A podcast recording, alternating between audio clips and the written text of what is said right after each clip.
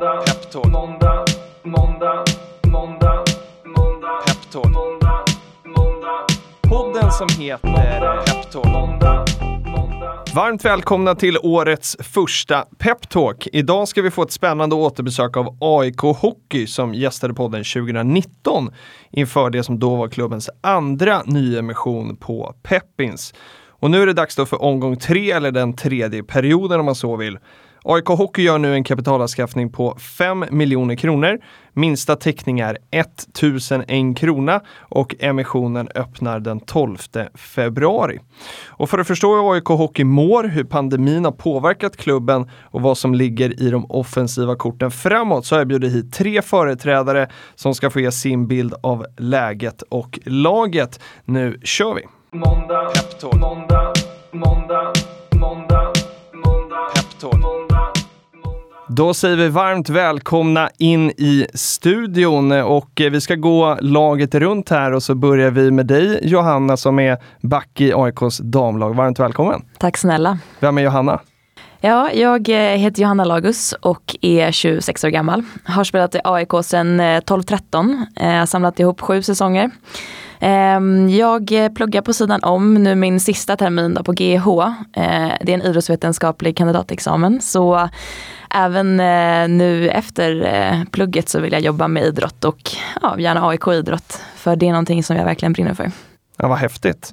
Och går det att plugga på 100% och vara elitidrottskvinna samtidigt? Eh, jo men det gör det. Det eh, finns många utmaningar men även väldigt mycket positivt i det hela. Du får med dig en otroligt bra planerings och strategierfarenhet eh, för att få livet att gå ihop och sen så eh, man blir engagerad i, i allt man gör för stunden för att även om du har långa dagar så gör du eh, ditt absoluta max när du väl är på plats i ishallen till exempel. Så att ha 15 till 20 träningstimmar i veckan plus plugg plus lite extrajobb. Det kan låta mycket men eh, sanningen är att de flesta i vår liga har balanserat det här under många, många år. Och jag tycker verkligen att det mest är positivt. Eh, så ja, det var väl det, det korta ja. svaret. Ja men eh, härligt, vi kommer få höra mycket, mycket mer. Eh, nästa person som jag vill välkomna till studion är, är Niklas Näslander som är marknadschef för AIK Hockey. Varmt välkommen! Tack så mycket! Hur eh, känns det att sitta i en poddstudio? Ja, men det är kul.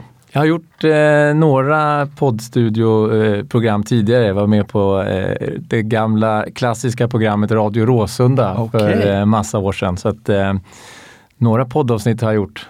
Ja men gud vad häftigt. Eh, då kan man ju faktiskt gå tillbaka och lyssna om man vill. Om man känner efter idag att jag fick inte nog. Ja men det kan man. De ligger nog någonstans på något arkiv skulle jag tro. Jag vet inte om, om eh, samtalet eh, är speciellt 2021 men man kan få en tillbakablick. Ja, Ja, men det, man ska inte underskatta tillbakablickar.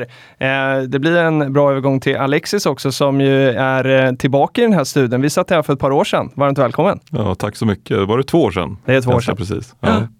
Nej, men jag är ju styrelseledamot och arbetar i styrelsen och det är två styrelser. Det är ju AIK ishockeyförening och det är AIK ishockey aktiebolag eller AB helt enkelt.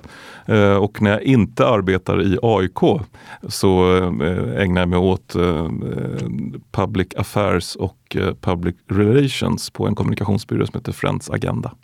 Superspännande ju.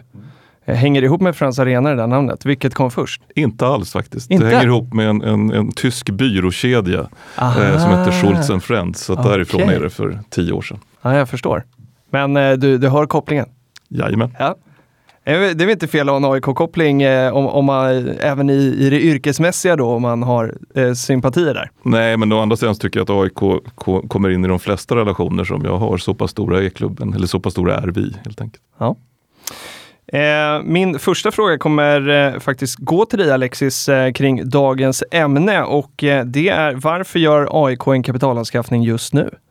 Ja, alltså det enkla, snabba och förhoppningsvis begripliga svaret det är ju den pandemi som drabbar nästan alla på olika sätt på ett, ett väldigt kraftfullt sätt just nu. och jag skulle säga att för idrotten så är det väl den största faktiskt ekonomiska utmaningen som man står inför. Eh, men det är kanske ingen nyhet eh, i den meningen. Men, men för eh, AIK ishockey så har ju det inneburit att vi egentligen förlorar ja, storleksordningen upp mot 9 miljoner kronor i uteblivna, utebliven biljettförsäljning, uteblivna sponsorintäkter.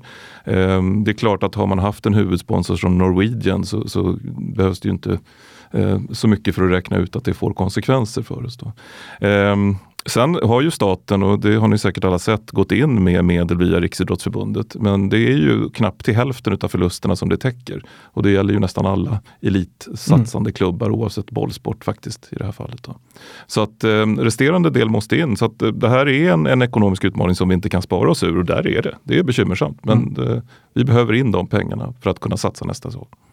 Men jag tänker ändå, det finns ju, nu ska ni göra den här eh, nyemissionen på, på Peppin, så då finns det ett eh, långt sådär investmentmemorandum man kan läsa. Det kan jag tipsa alla om att göra, så får man liksom hela bilden. När jag har läst inför den här podden ändå så känner jag, alltså om man tittar på börsen, nu nämnde du Norwegian, så när börsbolag gör eh, nyemissioner så brukar man säga att de ibland är defensiva och ibland är de offensiva. Och när jag läser det här memorandumet så får jag ändå en offensiv känsla. Eh, stämmer det? Ja, det är, alltså det är en offensiv känsla. Jag skulle säga att det är en dubbel känsla egentligen. Mm. Um, jag tittar på hur det var förra året så fanns det ju en, en, en, en viktig insikt som uh, inte bara styrelsen utan ledningen uh, för AIK Hockey gjorde och det handlar ju om att, att att på det här sättet försöka hela tiden jobba med en verksamhet där man hela tiden saknar i runda slängar 10 miljoner kronor för att kunna göra någon sorts realistisk satsning på att spela högt upp och nå slutspel med damerna, att eh, nå SHL med, med herrarnas representationslag. Eh, det är de pengarna vi saknar. Eh, och det som gjordes då var ju ett omtag faktiskt. Eh, med hjälp av en större finansiär, eh, 40 stycken lite mindre finansiärer och med mindre finansiärer menar jag att man ändå gick in med 100 000 kronor var eh, för att lägga en budget i balans. Kunna anställa en marknadschef, Niklas som sitter här, kunna ta tag i för att, att, så att säga, börja bygga upp en verksamhet som långsiktigt också ska hålla. Eh, så eh, det är klart att när pandemin kommer så slår den ju undan benen för, det var ju den första känslan. Så att, jaha, inte en gång till nu då. Eh, men sen när vi tittade på det så insåg vi att vi har kommit ganska långt på en hel del eh, fronter och det hoppas att vi kan prata om i, i det här mm. programmet också.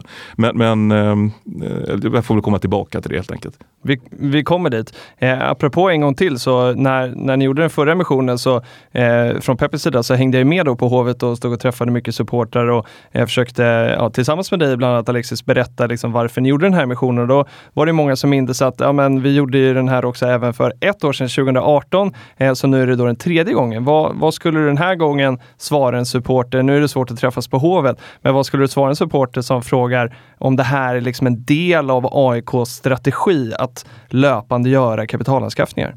Nej, men det som har varit historien det är ju eh, kan man säga det är ständigt dessa 10 miljoner. Att om vi tittar på verksamheten och säger att det saknas i runda slängar, vi behöver öka intäkterna med, med 10 miljoner kronor. Eh, då har vi ju kunnat under de sista åren finansiera det antingen med delvis Peppins eller större finansiering eller finansiärer eh, eller övriga intäkter. Och Varför jag säger på det sättet, det har helt enkelt att göra med att skulle vi nu till exempel säga som många säger att ja, men går vi upp i SHL så löser det sig. Eh, Eh, ja, då får vi tillgång till centrala avtal som ger kanske tio gånger mer i pengar för tv-rättigheter än vad vi har idag, från 4 miljoner till 40 miljoner kanske. Men de kommer ju ätas upp av en högre spelarbudget för då ska vi konkurrera i en högre serie med dyrare omkostnader. Så, så det är den ena aspekten på det. Och den, den andra är ju att, att eh, ni kanske läste i media här om sistens att, att man tittade på effekterna av pandemin. Jag kommer inte ihåg vilken av tidningarna det var som skrev om det för ishockeyföreningarna. Då tittade man på SHL-klubbarna och de hockeyallsvenska lagen. Eh, och då vet ni att i höstas så var det många som flaggade för att oj, oj, oj, nu går Kristianstad i konkurs eller nu är det Västervik som har problem och sådär. Nu ser det ju inte ut som att vi har någon av i alla fall de hockeyallsvenska klubbarna som går i konkurs i närtid. Eh, och det gäller ju inte heller för, för AIK ishockey utan poängen är ju att man ser ju vad får det här för konsekvenser inför nästa säsong? Alltså AIK Hockey som har satsat på en, ett, ett nytt tränarpar, eh, en marknadschef, vi har gjort ett omtag, eh, vi ska höja intäkterna successivt så att vi når upp till, till 10 miljoner, vi har en budget i balans ja, vi vill ju inte börja om och då helt enkelt dra ner på alla de investeringar vi har gjort. Så att ur vårt perspektiv så är det ju, eller till en supporter som frågar mig, så säger att ja, nej men alltså vi behöver in 5 miljoner kronor under den här säsongen för att kunna gå stärkta in i nästa mm. säsong och fortsätta den resan. Så att det, det, det är det bekymmersamma och hoppfulla. Alltså det lite mer defensiva men det är också lite mer anfallsinriktade svaret som jag har. helt mm. enkelt. Bra. Eh, jag tänker på din situation eh, Johanna, som, som spelare i AIK så eh, måste det här året ha varit eh, oerhört eh, eh, speciellt. Och även om man är trött på att prata om pandemi och så här så måste man ju ändå eh, prata om det. Och eh, jag är jättenyfiken på hur det har liksom varit som spelare att faktiskt ehm, ja, ändå fortsätta spela under en sån här märklig tid med restriktioner och så som det har varit. Hur har du upplevt det? Jo, men det har ju varit en, en väldig skillnad. Men på något sätt så kan man vara tacksam över att vi har vår verksamhet på Ritorp som ändå har hållits både intakt och den har varit stabil över många år. Ehm, vi har inte drabbats i någon större utsträckning utav eh, något utbrott. Så vi har kunnat hålla våran eh, träningsmängd ganska så intakt och det har ju känts tryggt. Eh, dels ur ett hälsoperspektiv men även för våran utveckling utöver en säsong. Däremot så har det varit svårt, matcher har blivit inställda. Men SDHL har ändå haft eh, tur, eller vad man ska säga, med att det just inte har varit jättekoronadrabbat. Samtidigt som vi har fått tillgång i viss mån till att kunna testa oss och kunna upprätthålla en, en trygghet eh, runt om i laget. Men att det hade kunnat bli mer speciellt om man är tacksam över att vi fick fortsätta spela också för att det är någonting alla i vårt lag brinner för. Man har planerat hela sitt liv runt om det och även den här sociala delen som många som inte är i, i idrottsverksamheten kanske saknar nu har vi verkligen fått, eh, fått eh, ha, ha med oss. Och det hjälper till även liksom utanför ishockeyn eh, för, eh, för välmående rent psykiskt också. Så att eh, speciell säsong, jättetråkigt utan publik men vi har verkligen gjort det bästa av situationen tycker jag ändå. Mm. Mm. Och jag tänker sådär, för det är knepigt i Sverige där vi har haft just restriktioner. Man bör göra men man måste inte och så vidare. Eh, och jag tänker för, för damlaget särskilt som gör det här liksom på en ideell basis också. Har det varit, eh, ja men ha, har, det, har man någon gång funderat på så här, är det värt det? Är det värt att utsätta liksom mig själv och andra för, eh, för risken liksom att, eh, att, att smittas av, av corona? Ja, alltså vi är ju ideella i den meningen att vi inte får betalt eller någon ersättning för det jobbet vi lägger ner. Men vi vill se oss själva som så pass professionella att det har blivit en del utav eh, livspusslet och att vi gör det för att liksom, det finns en högre mening med ett, mer än bara att man gör det frivilligt. Liksom. Så att, eh, det är klart att man har den diskussionen med sig själv, eller man har fått lov att ha den diskussionen med sig själv för att eh, det har varit överhängande sedan mars. Men någonstans har man ändå velat göra det på ett så bra sätt som möjligt. Men, men det finns alltid risker. Mm. Eh, men ja. Bra.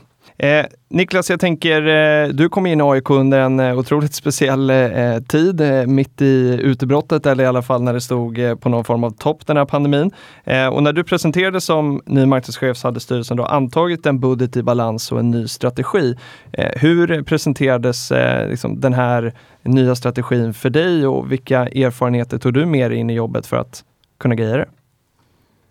Nej, men när jag hoppade på det här i maj det var ju kanske som ett eh, självmordsuppdrag egentligen, hoppa på att eh, försöka sälja sponsorskap mitt i en brinnande pandemi för ett Stockholmslag som också är, är speciellt i sig. Men, men eh, det är mycket som jag föll för och, och varför jag valde att hoppa på var just eh, också styrelsens presentation som var väldigt eh, framtids... Eh, ja, man hade ett ordentligt framtidstro på vad man ville göra. Och Framförallt också så presenterade man olika affärsupplägg eh, och man, man, ett modernt tänk helt enkelt hur man ville göra. Så det där tyckte jag kändes väldigt kittlande och spännande att, att styrelsen hade det tänket, eh, vilket gjorde att eh, jag blev väldigt peppad att hoppa på det jobbet.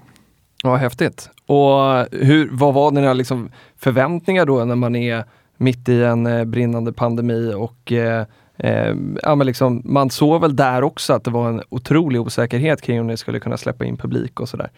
Vad var förväntningarna? Ja, absolut. Nej, men det var ju och är fortfarande en enda stor ovisshet att jobba på en idrottsklubb. Man vet inte när man kan börja köra igång med någon form av eh, normal eh, försäljning eller normalt eh, jobb.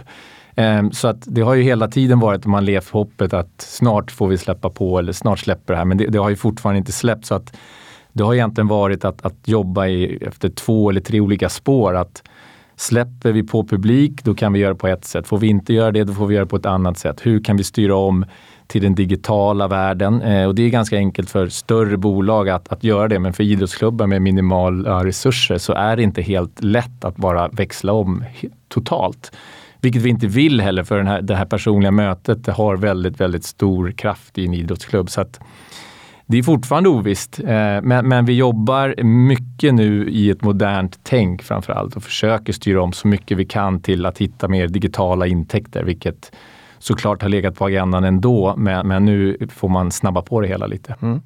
Och vi kommer komma mer in på det, men, men eh, jag tänker Alexis, eh, när Eh, tidigare i de här missionerna så, så, har man liksom pratat om att ja, men vi har en budget som innebär något form av liksom underskott. Det var det liksom 5-7 miljoner och sen så eh, började det pratas då om en, en budget i balans. Och från styrelseperspektivet då har man dragit ner några form av ambitioner att damerna är ju redan i, i SHL men herrarna är ju eh, liksom det inte.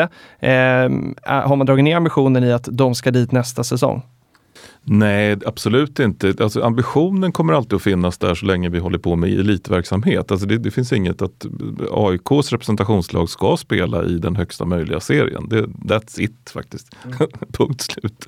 Eh, det finns ingenting sånt. Däremot så tror jag att det finns ju en, en en föreställning som, som eh, har odlats under lång tid och som jag har mött, kanske inte så mycket nu i AIK Hockey den senaste tiden, men tidigare kanske med att det låter ungefär så här att, att eh, ja men vänta nu, värva in de absolut bästa ishockeyspelarna som finns och ställ dem på Hovets is så kommer vi att gå upp i SHL.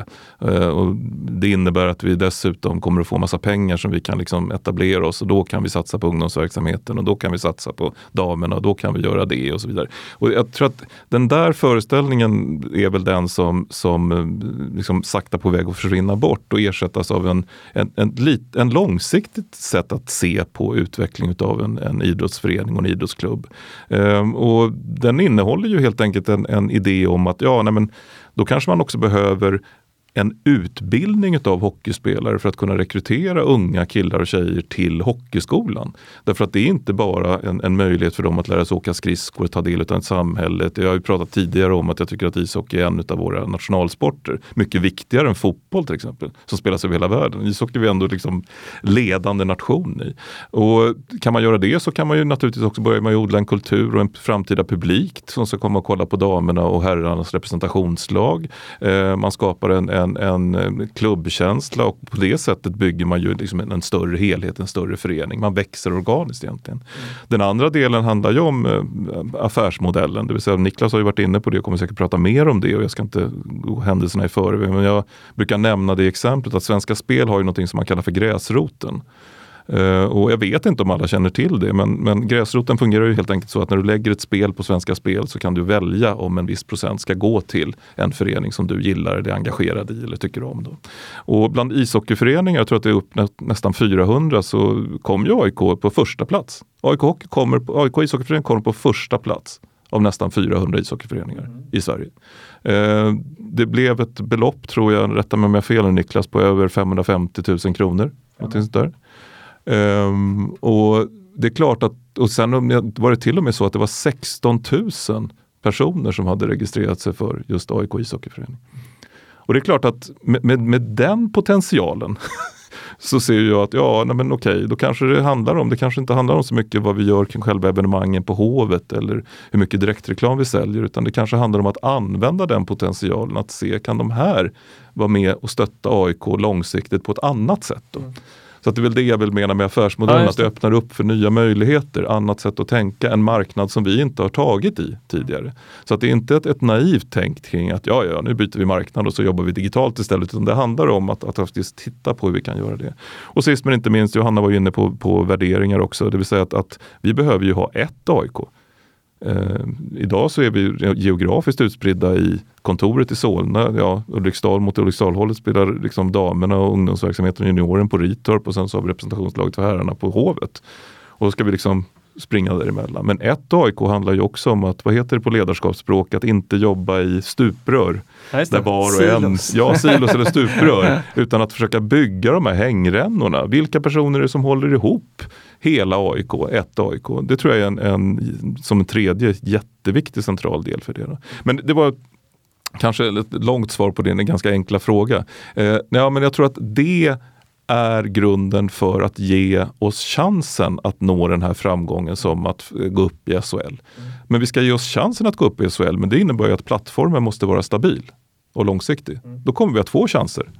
Eh, var tredje, var fjärde år, eller så här, tre av, av, fyra år så kommer vi vara där uppe och, och ge oss själva chansen. Mm. Om man nu pratar herrarnas representationslag. Och det samma sak gäller ju damerna såklart, att komma upp till från att inte riktigt vara där för att, att nå semifinalplatserna faktiskt liksom vara uppe och nagga och vara i semifinal. För kommer upp i semifinalspel, ja, då är, då är SM-guldet där snart. Helt enkelt. Men är det, för jag, jag som tittar mycket på idrott, eh, jag upplever att liksom, särskilt kanske eh, storstadsklubbarna och inte minst här i Stockholm har blivit otroligt duktiga på, inte bara i hockeyn utan även i fotbollen, att liksom kommunicera och prata om vikten av att plattformen inte bara är herrarnas representationslag, utan att det också liksom är damlaget, det är junior och ungdomslagen. Eh, har, upplever du att det har blivit en förändring i kommunikationen eller från styrelseperspektiv, är det också en förändring i strategin? Eh, har, har man blivit liksom bättre på att se helheten som en plattform och inte bara härlaget? Jag tror att den, de ekonomiska realiteterna, om jag uttrycker mig så, eh, försöker uttrycka mig på ett sätt som är, är, ska vara begripligt, har förändrats. Alltså om det tidigare för ja, när började jag med det här för fem, fyra, fem år sedan så var det fortfarande så att jag kunde se satsningen på dam laget eller satsning på tjejerna så här, som en, en Ja men det är bra, det är nästan som ett, ett, ett, ett, ett eh, så här, ja vi gör det för att vi är snälla någonstans så.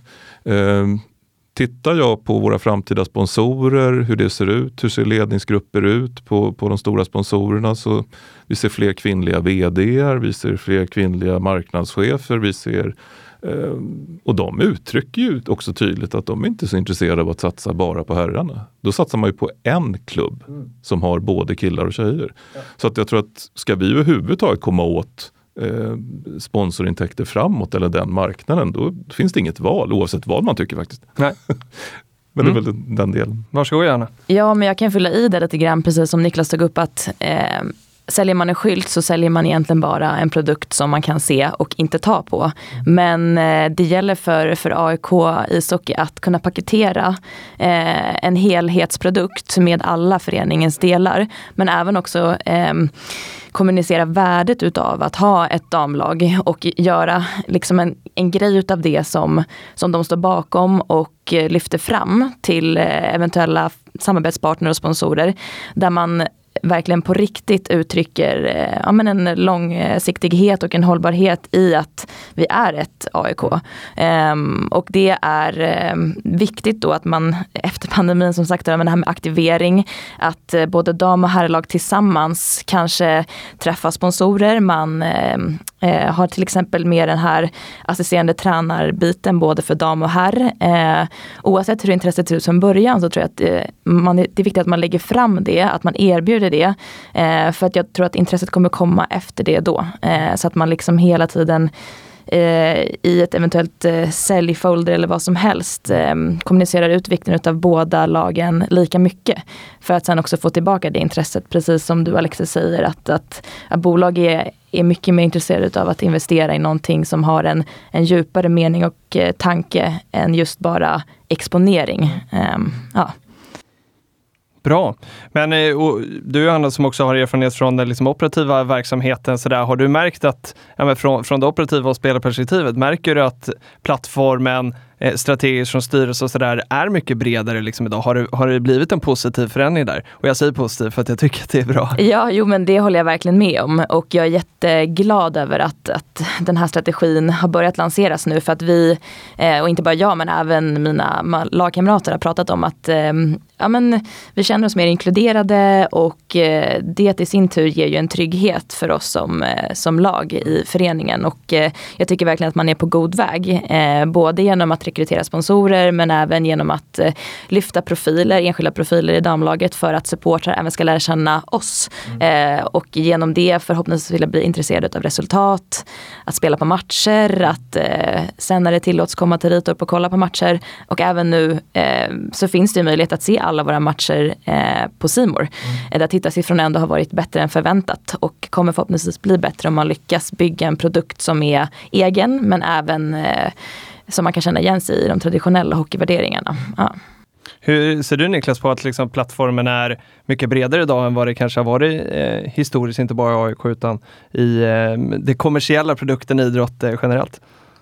Ja absolut, Nej, men tidens anda är ju att damerna har ju flyttat fram sina kommersiella positioner liksom överallt eh, verkligen. Och eh, det är ju idag inte ens eh, en diskussion om man ska lyfta fram en, damerna på samma sätt som herrarna. Eh, det vi gjorde, eh, det först, ett av våra första steg var att inkludera damernas eh, kommunikation i herrarnas. Till exempel eh, Instagramkontot fanns ett eget för dam. Det la vi ner och, och tog in det i AIK Hockeys eh, konto, vilket såklart höjde det direkt och alla kunde följa det på ett annat sätt. Så att det där är liksom inte ens en fråga idag utan det bara är så. Eh, och det är så överallt i alla branscher egentligen som man är. Eh, och som Johanna är inne på, intresset börjar öka ganska rejält. Och även om man kollar andra sporter, om man kollar på fotboll till exempel, så har ju damerna en, en oerhört stark position eh, där och eh, hockeyn är inte riktigt där på samma sätt som fotbollen men, men man är på god väg och um, jag tycker att det är spännande att se allas liksom, initiativ på olika sätt. Häftigt att kunna stanna upp och känna att det är självklart. Det är, det är viktigt. Ja, nej, men det finns, man kan ju lägga till, det finns ju massa spännande saker också som är intressant om man tittar på det Johanna säger om aktivering. Om vi går från exponering och inte bara jämför det som att okej, okay, här har vi ett företag som ska exponeras. Vill du exponeras på Hovet där det är si så många tusen på läktaren eller vill du exponeras på Ritorp där det är lite färre även om vi har simor tid och ökade tittarsiffror och så. Så kan man ju säga så här att utifrån det Johanna beskrev kring vad är förutsättningarna för att, att satsa elitmässigt som, som damhockeyspelare? Ja, det är ju att du klarar av att göra både en karriär på isen och utanför isen samtidigt. Det är nästan ett krav för att du ska göra det och det är inte alldeles enkelt. Och så att vi märker ju att det är fler, fler och fler sponsorer som också börjar titta på, jaha, så att ni är ute efter att ni istället vill erbjuda en praktikplats, ett traineeprogram, en, alltså en möjlighet snarare för våra spelare att faktiskt både få en karriär efter ishockeyn samtidigt som man är på isen. Mm. Och det är ju också en sån sak som, som vi kanske inte har jobbat så mycket med men som vi behöver jobba mer med. helt enkelt. Ja, det finns så extremt mycket kompetens. Bara i vårt lag så har vi högutbildade alltså prisanalytiker, vi har eh, eh, fysioterapiutbildade, vi har naprapater. Så att många som jobbar heltid. Men jag tror även att man kan ställa alltså både ett sportsligt ansvar på spelare men även ett socialt ansvar både på damer och herrar. Så att man får ut mer utav en, en person och människa i föreningen och gentemot eh, partners och sponsorer.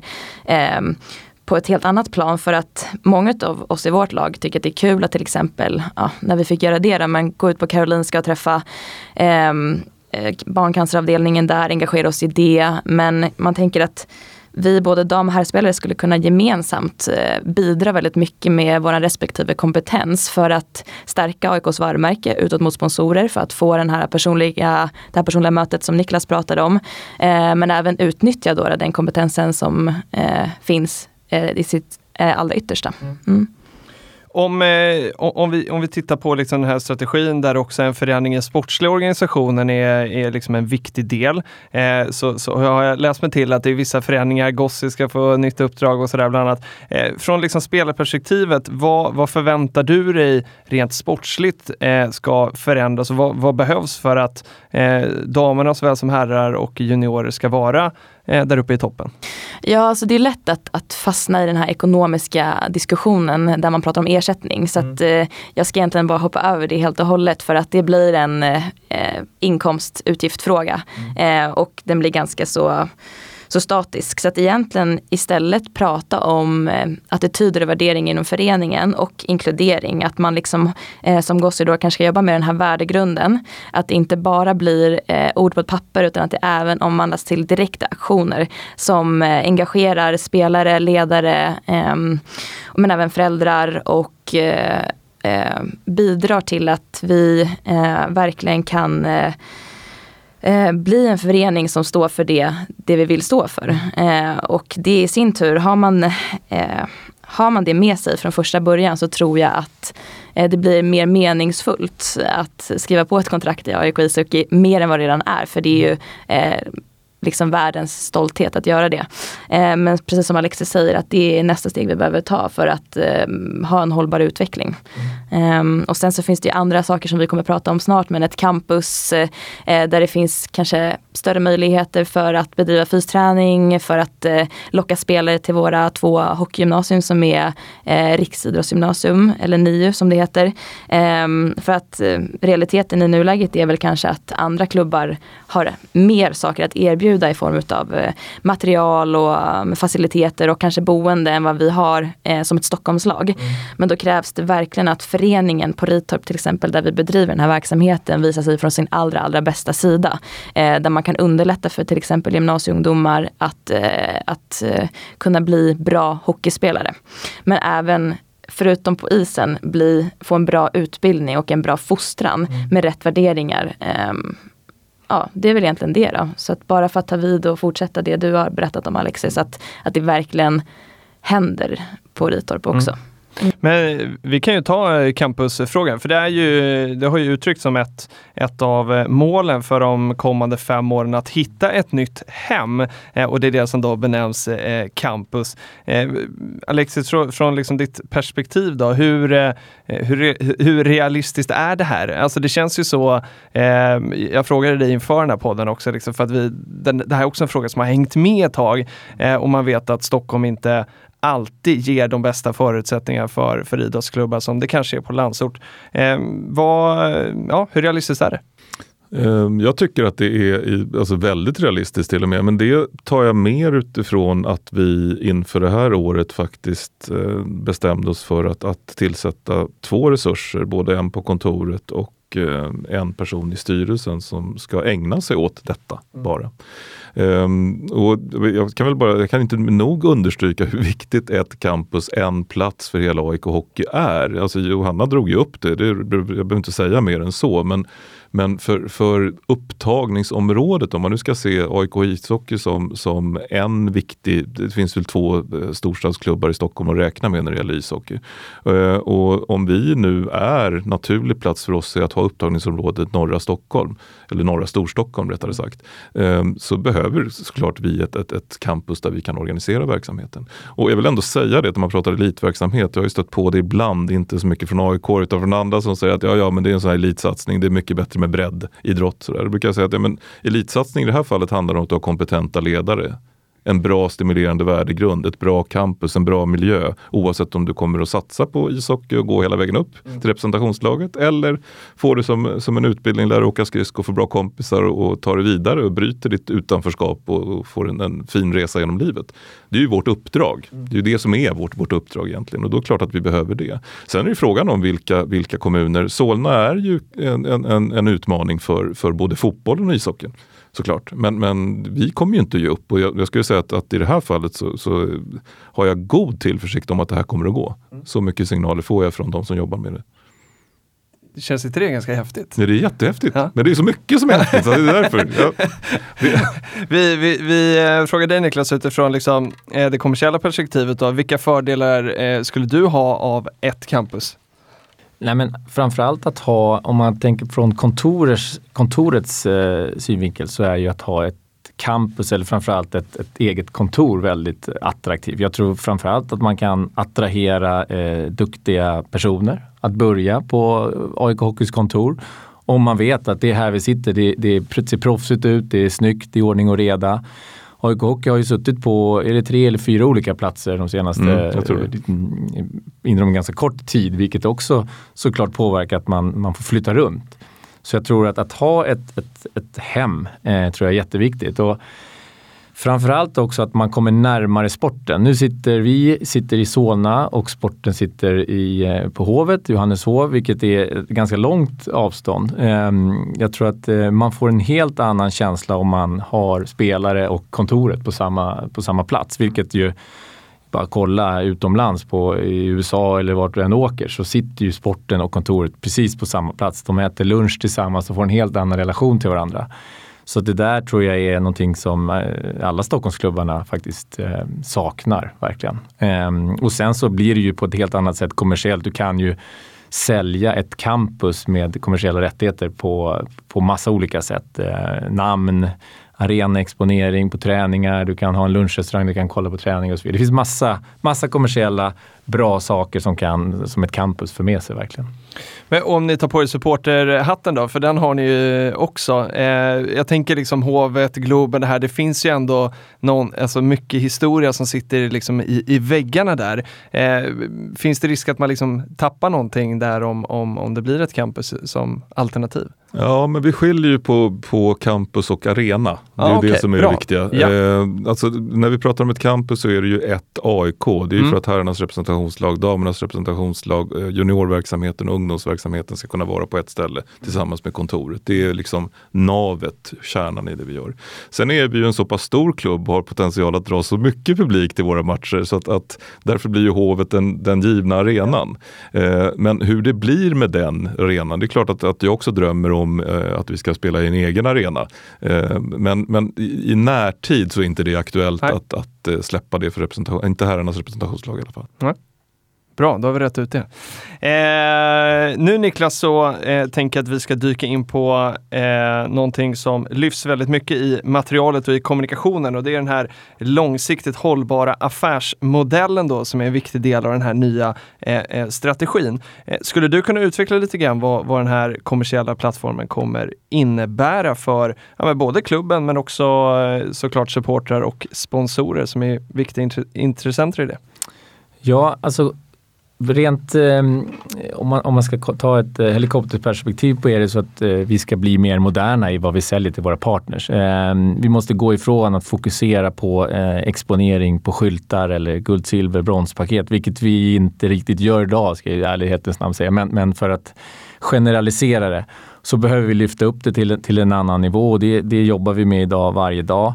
Eh, jag var inne på från början, hela den digitala biten eh, är ju oerhört viktig. Eh, vi är inne på att hitta nya intäktsmöjligheter. Vi håller på att skapa eh, egentligen startar en, en AIK Training and Health Club som vi ska försöka dra igång här till våren. Ehm, det gäller att hitta olika sätt där man är trovärdig och AIK jobbar inom idrott så vi är trovärdiga i det. Eh, vi kanske inte är trovärdiga om vi börjar starta någonting annat men där gäller det verkligen att fokusera på det som vi är trovärdiga på. Och vad det gäller den här affärsmodellen så är det egentligen att vi försöker gå mot en eh, abonnemangsform helt enkelt. Att man hittar ett sätt där AIK runt om i hela Sverige kan supporta hockeyn varje månad. Eh, att stötta klubben har väl varit liksom det mest uttjatade ordet under den här pandemin. Jag tror alla är rätt trötta på att man kommer, nu måste vi stötta vår klubb, vilket lag man än hejar på. Så att där, den, den retoriken funkar inte längre utan vi måste hitta ett annat sätt och då är det den här abonnemangsformen där man betalar en summa varje månad och får tillgång till exklusivt material från AIK Hockey. Och vi grundar det på att vi har gjort eh, två stora undersökningar här under hösten och det som är nummer ett på båda de undersökningarna är att man vill få mer eh, information och exklusivt material från klubben. Och det är inga stora grejer. Det kan vara ett mejl från Anders, det kan vara ett mejl från styrelsen, ett mejl från tränaren, sportchefen eh, och så vidare. För att man får helt enkelt information om vad som händer. Så att man, man har koll på det. Och vi tror att eh, jag själv är tvåbarnsfar och bor norr om stan och kan inte gå på alla matcher men är väldigt intresserad av hockey. Jag har massa sådana vänner som garanterat skulle kunna vara med och stötta på något sätt en gång i månaden för att få ett fantastiskt innehåll.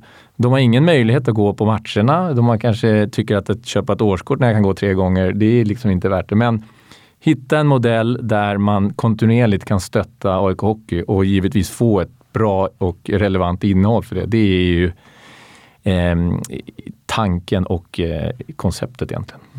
Och ser du framför dig då att det här är liksom utöver medlemskap och liksom säsongskorten eller kommer allting kunna liksom bandlas ihop till, till eh, någon form av liksom löpande prenumeration? Ja, absolut. Jag, jag tror ju att eh, ett årskort ska man också kunna ha på ett abonnemang. Eh, att man betalar den summan i månaden för sitt årskort och adderar då såklart det här eh, andra innehållet som man har, vilket gör att du som klubb aldrig behöver jobba med att få ny försäljning. Eh, eller förlåt, att, att återkommande försäljning och, och, försöka få de som har haft årskurs att köpa igen. Då kan man lägga den tiden på att hitta nya årskortsinnehavare istället. Säsongskortsinnehavare. Så att jag tror att att frigöra tid och frigöra försäljningstid till att eh, hitta nya eh, personer som vill gå på hockey och, och köpa det här abonnemanget tror jag är jätteviktigt faktiskt. Men det är en jag tänker att det är en omprövning också av vad som är värdet av att vara aik och engagera sig i, i AIK ishockey. Det är ju det som, eller AIK hockey, det är ju det som är uttrycket här tänker jag när jag hör dig prata om det. Alltså vad är det som är värdet? Är det att köpa säsongskortet och veta att jag kommer att gå på fyra matcher men jag har ändå gjort det? Mm. Eller är det att, att vara ständigt där? Och, och, det öppnar ju också upp för andra sätt att engagera.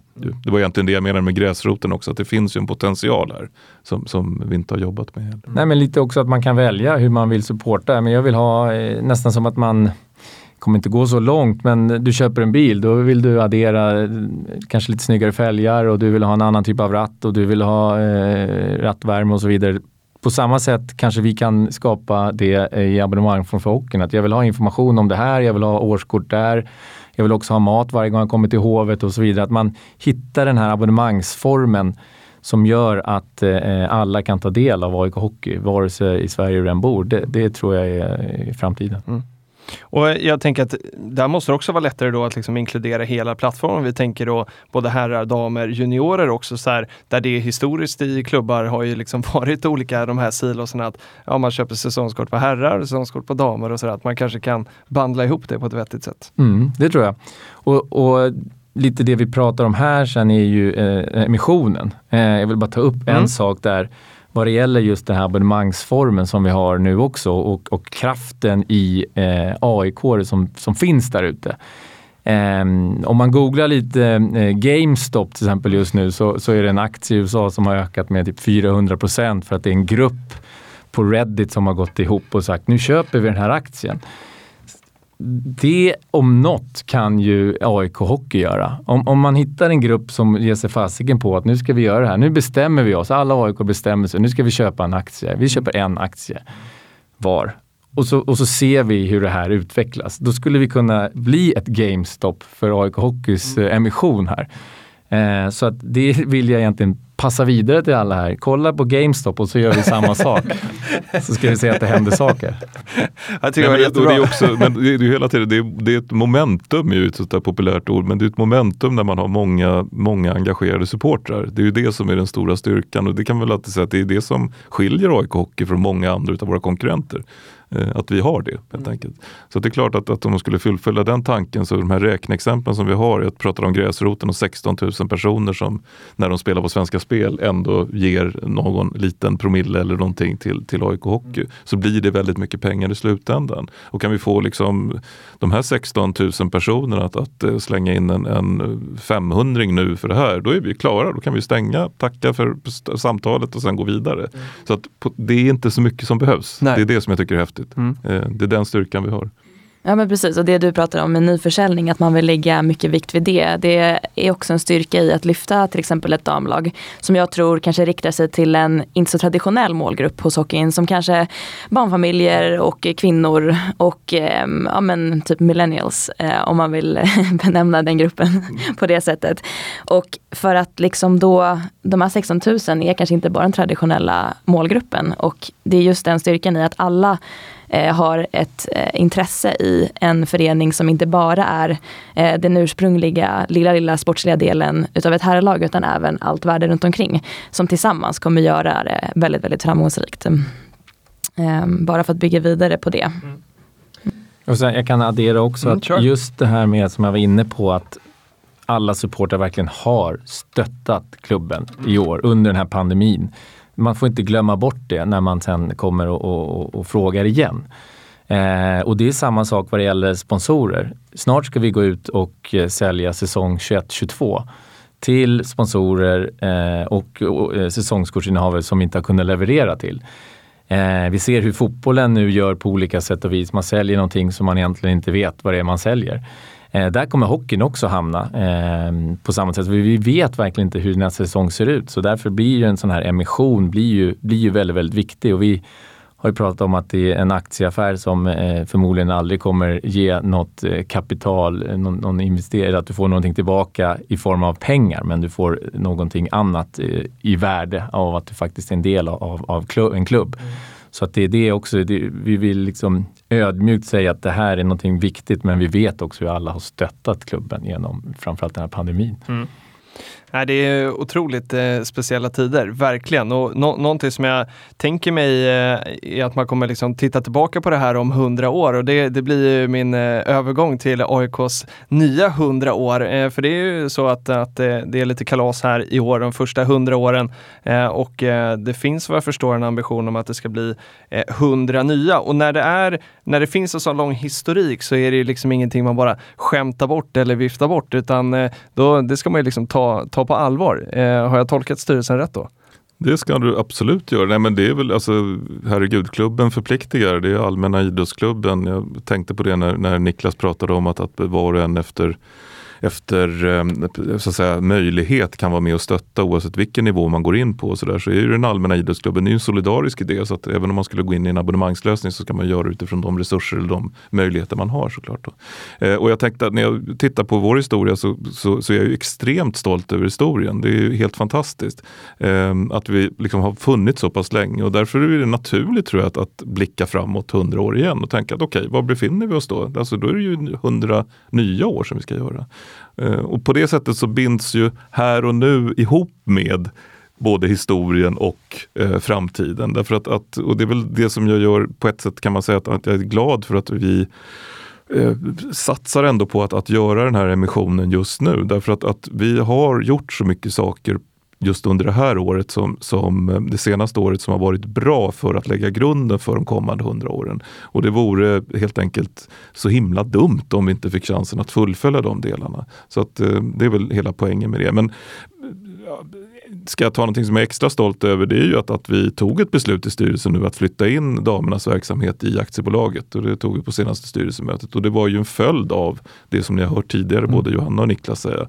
Det vill säga att, att ett AIK, ja då det liksom, måste det också synas på, på, på riktigt att vi gör det. Och det är väl ett tecken, tänker jag, att vi flyttar in damerna i aktiebolaget. Därför att det innebär också att vi förväntar oss ökade intäkter därifrån. Då får vi en, en möjlighet att, att, eh, hantera momsredovisning på ett annat sätt. Eh, men sen är det ju också en självklarhet att AIKs hockeys två representationslag ska vara organiserade i aktiebolaget. Mm.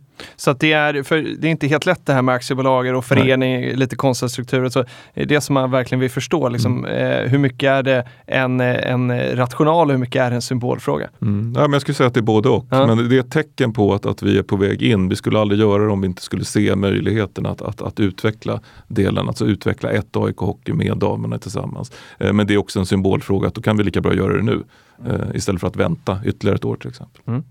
Ja, signalvärdet är otroligt viktigt och eh, det gör oss som en mycket ännu mer stolta över att verkligen få representera AIK och jag tror verkligen att det är rätt väg att gå.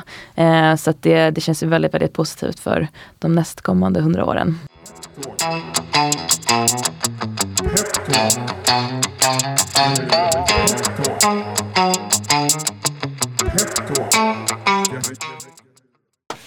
Det är 5 miljoner kronor som eh, ska in i den här emissionen. Hur viktigt är det Alexis att det blir 5 miljoner?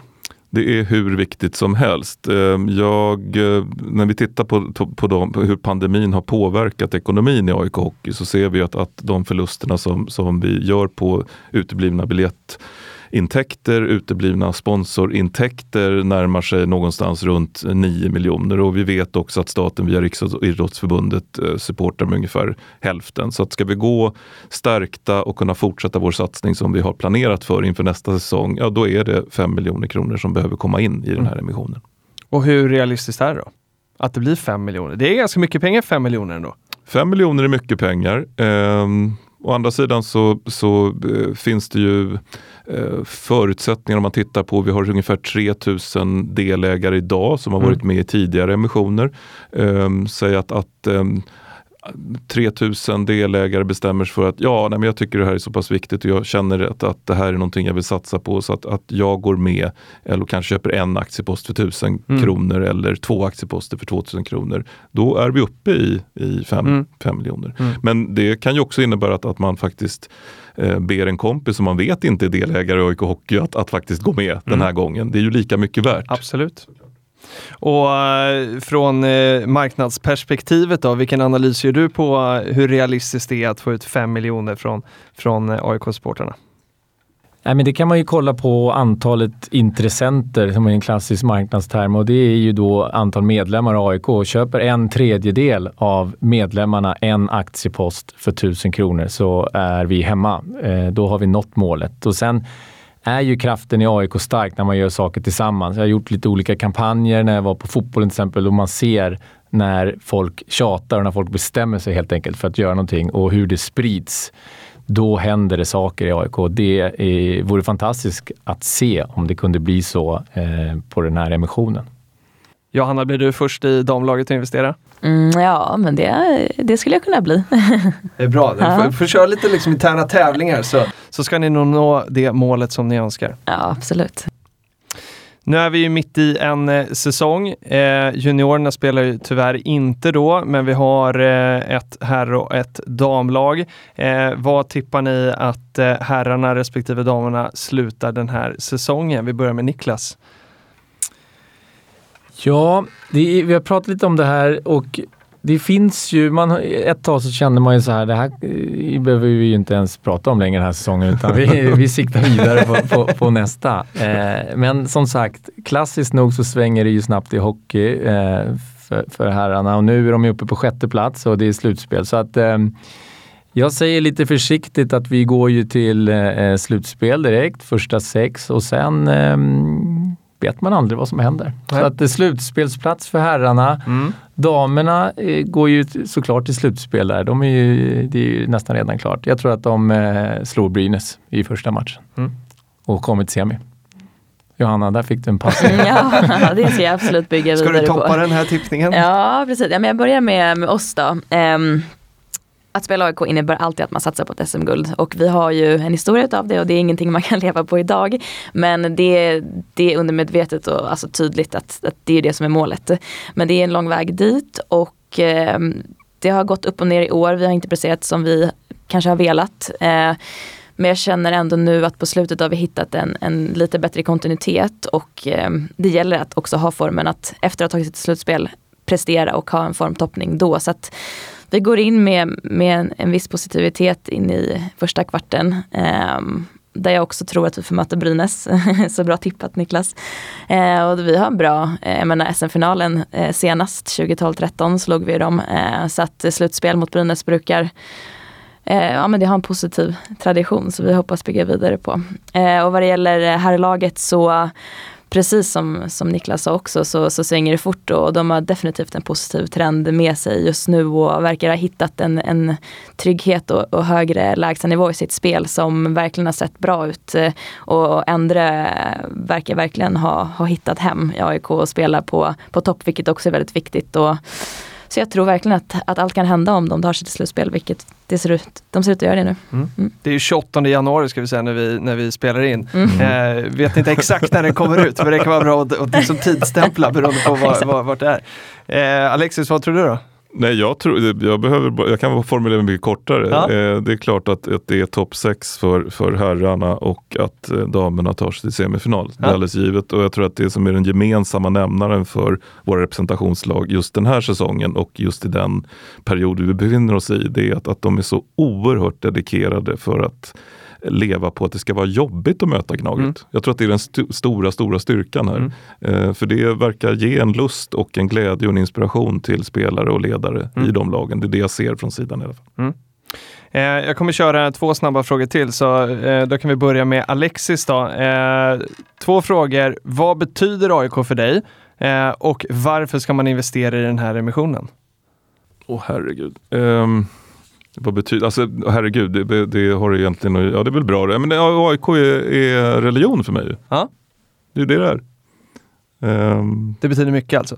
Nej men det betyder nästan, alltså så här, vi pratade om hovet tidigare. Om, om AIK är religion um, så är hovet uh, mitt tempel, Ritorp också för den delen. Uh, medlemmarna och supportrarna är, är församlingen. Och ur det perspektivet så, så är det ju såklart att, att eh, men det här är ju viktigt för mig. För mig är den här emissionen också en, en, en faktiskt ett, ett bes, emotionellt beslut. Mm. Helt enkelt att jag vill att, att AIK Hockey ska gå stärkta ur den här globala pandemin. Eh, kunna fortsätta satsa eh, på den inslagna vägen som vi har gjort mm. för att liksom bygga den plattformen och den grunden för att ge herrarna chansen att slåss om en plats som SHL. Eh, för att damerna ska komma upp och faktiskt kriga om, om SM-guldet på riktigt. Mm. Eh, och det är också svaret att det här är inte en, vad sa du Niklas? Det är inte en, en kortsiktig placering som du ska ge eh, pengar tillbaka på kontot om tre månader. Det är en investering i den svartgula själen. Förlåt, men ja. det är det det är. Ja. Eh, Johanna, du får samma frågor. Mm. Ja, men det är som sagt, man blir lite överrumplad av att sätta ord på den eh, frågan vad AIK betyder för en. Men det är framförallt som spelare ett privilegie att, att få dra på sig AIK-tröjan och det är ingenting som man gör eh, per automatik utan man reflekterar ju faktiskt varje match över att man har den, den förmånen att få representera AIK och har fått gjort det i sju säsonger. Så att framförallt att just det här med hållbarhet är väldigt viktigt för mig också att eh, den kommande generationen av flickspelare ska få samma möjlighet som jag har fått eh, att få representera AIK. Eh, för det är den finaste klubben i världen om man ska vara helt ärlig. Och, ehm, ja, det är därför man ska investera. För att alla pojkar och flickor, oavsett vem det är, ska få möjlighet att, att drömma om att få spela i ett representationslag för AIK Hockey. Mm. Eh, och Niklas, du får avsluta här då. Samma frågor. Samma frågor. Nej, men AIK är en stor del av mitt liv. Ehm, jag var ju tre år på fotbollen också, satt där som kommersiell chef så att jag har eh, verkligen jobbat med AIK, eh, både fotboll och hockey och eh, min, min ambition här är att göra en skillnad. Försöka varje dag att göra en skillnad för AIK Hockey. Att vi ska sträva mot att bli en mer proffsig och lönsam klubb. Mm. Jag eh, älskar att arbeta med, med AIK idrott och affärer. Jag tycker det är otroligt kul och eh, jag, jag, jag, har en otrolig framtidstro också på, på det vi håller på med just nu. Så att jag hoppas på att den här emissionen kan ta fart och eh, att vi får fortsätta den, den satsning som vi precis har börjat. Så jag säger det igen, vi kollar på GameStop, vi försöker göra samma sak. Köp en aktie, ta en Åbro och kolla hur aktien stiger. Ja, det är jättebra och, eh, och där får väl då tredje perioden eh, vara slut. Eh, Alexis skrev till mig att vi, vi poddar väl 20 minuter, jag tror att vi är kraftigt över det. Eh, så ja, vi ska stänga den här fabriken, men jag ska ändå bara öppna och fråga om det är någonting eh, som, som jag missat att fråga om, så ni känner att det här ville jag berätta, eller har vi varit så uttömmande vi kan nu? Nej, jag tror inte att vi ska säga någonting mer. Jag tror att man ska se emissionen som ett sätt att stärka AIK Hockey genom den här eh, pandemin för att kunna gå liksom stärkta in i nästa säsong. Det finns andra sätt. Eh, man kan ju fortsätta köpa tifo-biljetter. Man kan ehm, eh, så att säga, i, i det här fallet göra de delar som, som ger oss intäkter på, på andra sätt också såklart. Mm. Men det här är ett bra sätt mm. och det är för mig en, en fantastisk möjlighet att vara en del av AIK Hockey. Mm. Snyggt, ska vi säga så då? Yes. Kanon. Då önskar jag lycka till. Tack så mycket. Tack, Tack så mycket. Snälla. Ha det bra. Måndag, peptalk. Måndag, måndag, måndag, måndag. Peptalk. Måndag, måndag. Podden som heter Peptalk. Den här podden produceras för Peppins och inget av innehållet ska ses som finansiell rådgivning. Investeringar i aktier är förenat med risk som innebär att man kan förlora hela eller delar av det investerade kapitalet. I det här avsnittet har vi då pratat om AIK Hockey och i det, eh, den klubben eller det eh, aktiebolaget så äger jag inga aktier. Det var allt för idag. Ta hand om er. Hej då!